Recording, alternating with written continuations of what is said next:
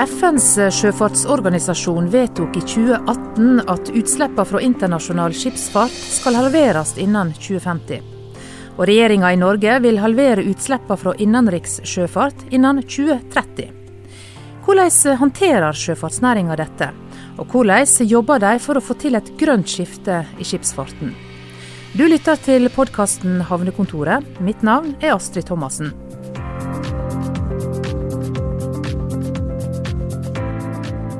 Det vi ser her nå, det er produksjon av maritime batteri. Det vi ser fra begynnelsen av her, er at eh, den første cella så blir eh, battericelle og andre deler blitt pakka opp av roboter og lagt utover paletter som skal videre inn i linja. Så går de videre og blir montert sammen i fem ulike robotceller. For at de til slutt blir sendt til en eh, ei robotselger som gjør eh, sluttest og merking og pakking. Så her foregår alt med roboter, fra de åpne eskene til den ferdige batterimodulen blir pakka i esker ferdig merka.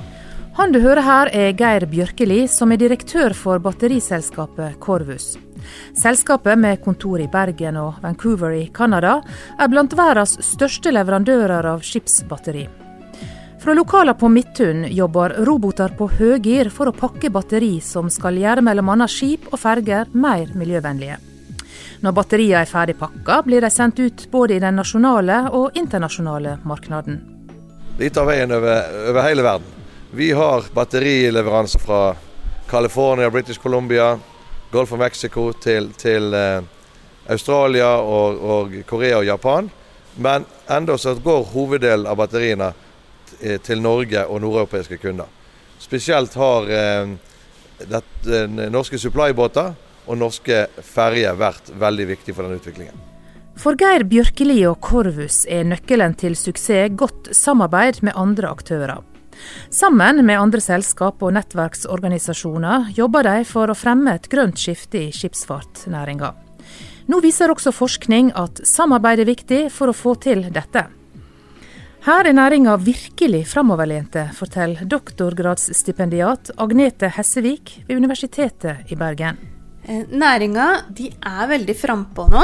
De ønsker å få til en omstilling, og det er, det er, veldig viktig for å kunne få til en omstilling. I de intervjuene jeg har gjort, så er, viser det at motivasjonen er todelt. Og jeg opplever i næringa hos mange av de jeg intervjua, et genuint ønske, altså bekymring for den klimakrisa vi står i, og et ønske om å bidra til omstilling.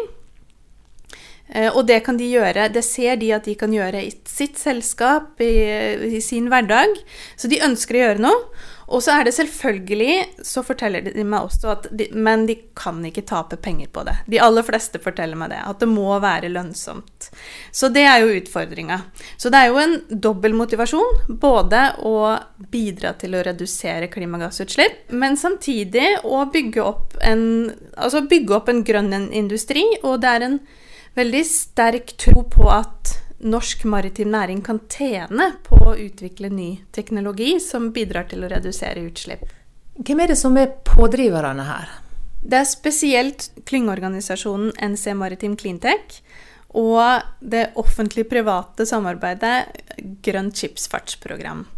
Altså, de har medlemmer både fra industrien, som er alt fra altså, utstyrsleverandører, Eh, energiprodusenter, rederier. Eh, men de har også offentlige eh, aktører som medlemmer, og samler da ulike typer aktører. De har også bransjeorganisasjonene er med. Og de kommer sammen, de jobber med å utvikle nye piloter, altså pilotprosjekter for nye skipstekniske løsninger. Men de jobber også for å påvirke reguleringer og politikk som kan fremme, fremme disse teknologiene og fremme en omstilling. Hva resultat gir dette klyngesamarbeidet? I min forskning så har jeg sett på hvordan de deltar i politikkutvikling, og jeg finner at de får De deltar i å utvikle politikk i Norge. De får tilgang til beslutningstakere, de får komme med sin mening, og deres Eh, deres meninger og deres utspill blir tatt hensyn til. En annen styrke med å samarbeide i nettverk er at man møter de som skal vedta politikk, eh, med en samla stemme.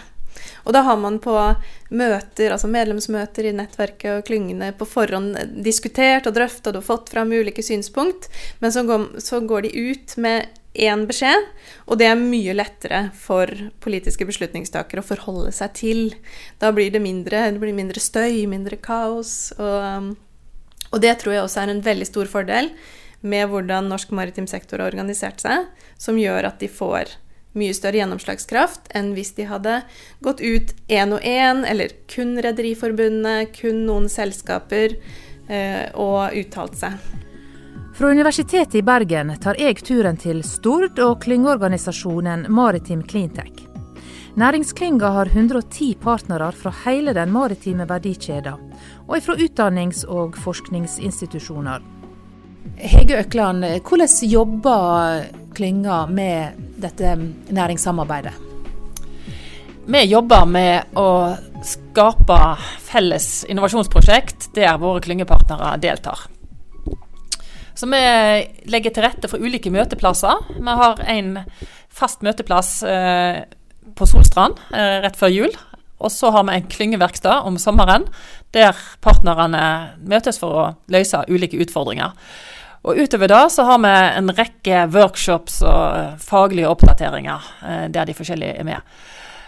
Og så eh, forsøker vi jo da å koble sammen disse bedriftene våre, eh, og gjerne òg sammen med forskningspartnere og eh, aktører utenfor klynga, for å få fram eh, nye innovasjonsprosjekt. Dere starta jo opp for en del år siden, og kanskje litt i det små. Kan du si litt om hvordan utviklinga har vært på disse åra? Ja, det har jo vært ei utrolig spennende reise å være med på. Jeg, jeg starta Maritim Cleantech i, tilbake i 2010 eh, som et eh, tidlig forprosjekt. Og traff da noen spennende personer og bedrifter her i Sunnhordland som jobba allerede den gangen med miljøteknologi. Og det viste seg at de prosjektene som disse bedriftene her i regionen jobber med, de var såpass langt framme, men eh, de hadde ikke vært så veldig flinke på å, å fortelle omverdenen om dem. Så um, etter hvert så, så, fant vi ut at uh, disse aktørene har sleit med de samme utfordringene. Uh, nemlig at det var ikke noe etterspørsel etter grønn teknologi. Og de så at her kunne det være et potensial hvis de samla kreftene. Så det var egentlig den spede begynnelsen. Uh, da etter hvert så var vi sånn åtte, ti, tolv bedrifter i begynnelsen. Og så har det gradvis egentlig balla på seg. Eh, så nå eh, er vi 110 partnere eh, og har et mye større geografisk nedslagsfelt enn vi hadde i starten. Så interessen for å være med er stor, den da? Ja, nå er det, ikke, er det ikke sånn at vi må gå ut og promotere og, og selge inn ideen om samarbeid. Nå kommer bedriftene uoppfordra til oss og ønsker å være med. Mm. Nå viser dette doktorgradsarbeidet ved Universitetet i Bergen at det er næringa sjøl som står for veldig mye av det grønne skiftet. Um, hvordan eh, opplever dere at eh, det offentlige eh, bidrar? Jeg tenker at dette er et utrolig viktig samspill mellom det offentlige og privat næringsliv og akademia. Så det er liksom den klassiske sånn trippel helix-modellen som eh, vi i stor grad erfarer har eh, fungerer når en får til alle disse partene til å, å jobbe i samme retning. Eh, så det offentlige har en, en, eh, egentlig flere roller. Eh, de har en viktig rolle som, som kunde. Det offentlige kjøper jo inn store mengder varer og logistikktjenester i løpet av et år. Og så har de en viktig rolle i form av at de eier mye av virkemiddelordningene som våre bedrifter benytter seg av, altså Innovasjon Norge og Enova og Forskningsrådet, for å nevne noen. Og så har de en, en, viktig rolle i forhold til disse politiske beslutningene som blir fatta, i forhold til å sette strengere krav. Uh, F.eks. Uh, ja, sånn som i Bergen havn, f.eks. At Bergen kommune er en pådriver for at havna skal uh, ha strengere utslippskrav til de båtene som besøker havna. Eh, så, så, dette samspillet er utrolig viktig. Eh, og eh, har jo jobba i mange år med å få det offentlige til å bli enda mer ambisiøse i sine, sine bestillinger ut til næringslivet. Hvor står det grønne skiftet på Vestlandet i dag innenfor skipsfarten? Jeg vil jo si uh, naturlig at vi har en ledende posisjon globalt når det gjelder å utvikle grønn teknologi. Sånn overordna sett. og så vil jo dette variere veldig fra de ulike sektorene en snakker om. Jeg nevnte jo ferjene i stad. Der ser jo hele verden til Norge i forhold til hva man får til på elektriske ferjer. Um, det begynner å røre seg litt innenfor havbruk. Um, fortsatt så er det veldig mye med, eh, som gjenstår å, å, gjøre. Men vi ser det begynner å komme opp eh, eh, prosjekt der en elektrifiserer hele anlegget og disse servicefartøyene som går fram og tilbake. Men eh, eh vi på Vestlandet har jo en utrolig god posisjon med å, å ha liksom, mange deler av havnæringene tett på oss i det daglige. Og eh, vi har jo et vi skal ikke være fornøyd. Vi har et, et godt stykke eh, vei å gå ennå eh, i forhold til å redusere utslippene fra ja, eh, offshorefartøyene, fra eh, cruiseskip f.eks., fraktefartøyene som går opp og ned langs kysten. Og, I tillegg så er det jo mye mer av transporten som går her på Vestlandet som kunne vært overført til sjøveien. Eh, så eh, vi har eh, et veldig godt momentum. Vi har eh, et, et, sterkt eh, cluster her. Vi har ledende partnere innenfor mange teknologiområder. Men fortsatt så, eh, så, er det et stort potensial for å oppnå mer. Mm. Tilbake til Korvus og Geir Bjørkeli. Bedriften hans fikk i fjor prisen som årets klyngepartner. Uten godt samarbeid med andre aktører hadde ikke Korvus vært der de er i dag, mener Bjørkeli. Altså, det er utrolig viktig vi, eh, å få til eh, klyngesamarbeid. Du ser sånn som Ampere har kommet ut av, et, eh, av, av det fokuset. Eh, disse norske supply-båtene. Vi må gi veldig stor ære til, til Maritim Cleantech som vi på Stord.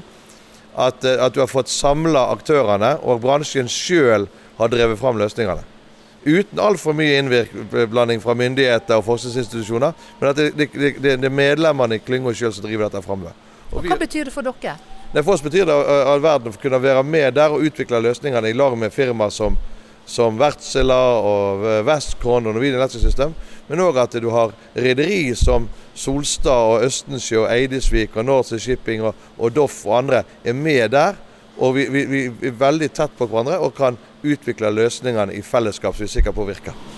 Nå har jo dere også fått priser for å være eh, en god samarbeidspartner og en, eh, en pådriver i eh, klyngearbeidet. Um, hva er det dere gjør som, som uh, fortjener å få pris for? Nei, om vi fortjener det, det får det juryen avgjøre. Men nei, det som vi, vi, vi er først og fremst er jo veldig stolt av å kunne få en sånn klyngepris. For det at eh, du ser hvem andre store aktører som virkelig har vært pådrivere der, som både Wärtsilä og Eidesvik f.eks., har jo gjort en kanonjobb. Så for oss er det jo veldig ære å bli valgt som årets klyngepartner i, i konkurranse hermetegn med, med, med, de aktørene. Nei, jeg tror det vi har gjort, er å være åpen, eh, framoverlent, ærlig. Du må by på deg sjøl. For hvis alle byr på seg sjøl, så vil én pluss én bli tre. Så det, jeg tror det er viktigste, at du er veldig villig til å, til å bidra.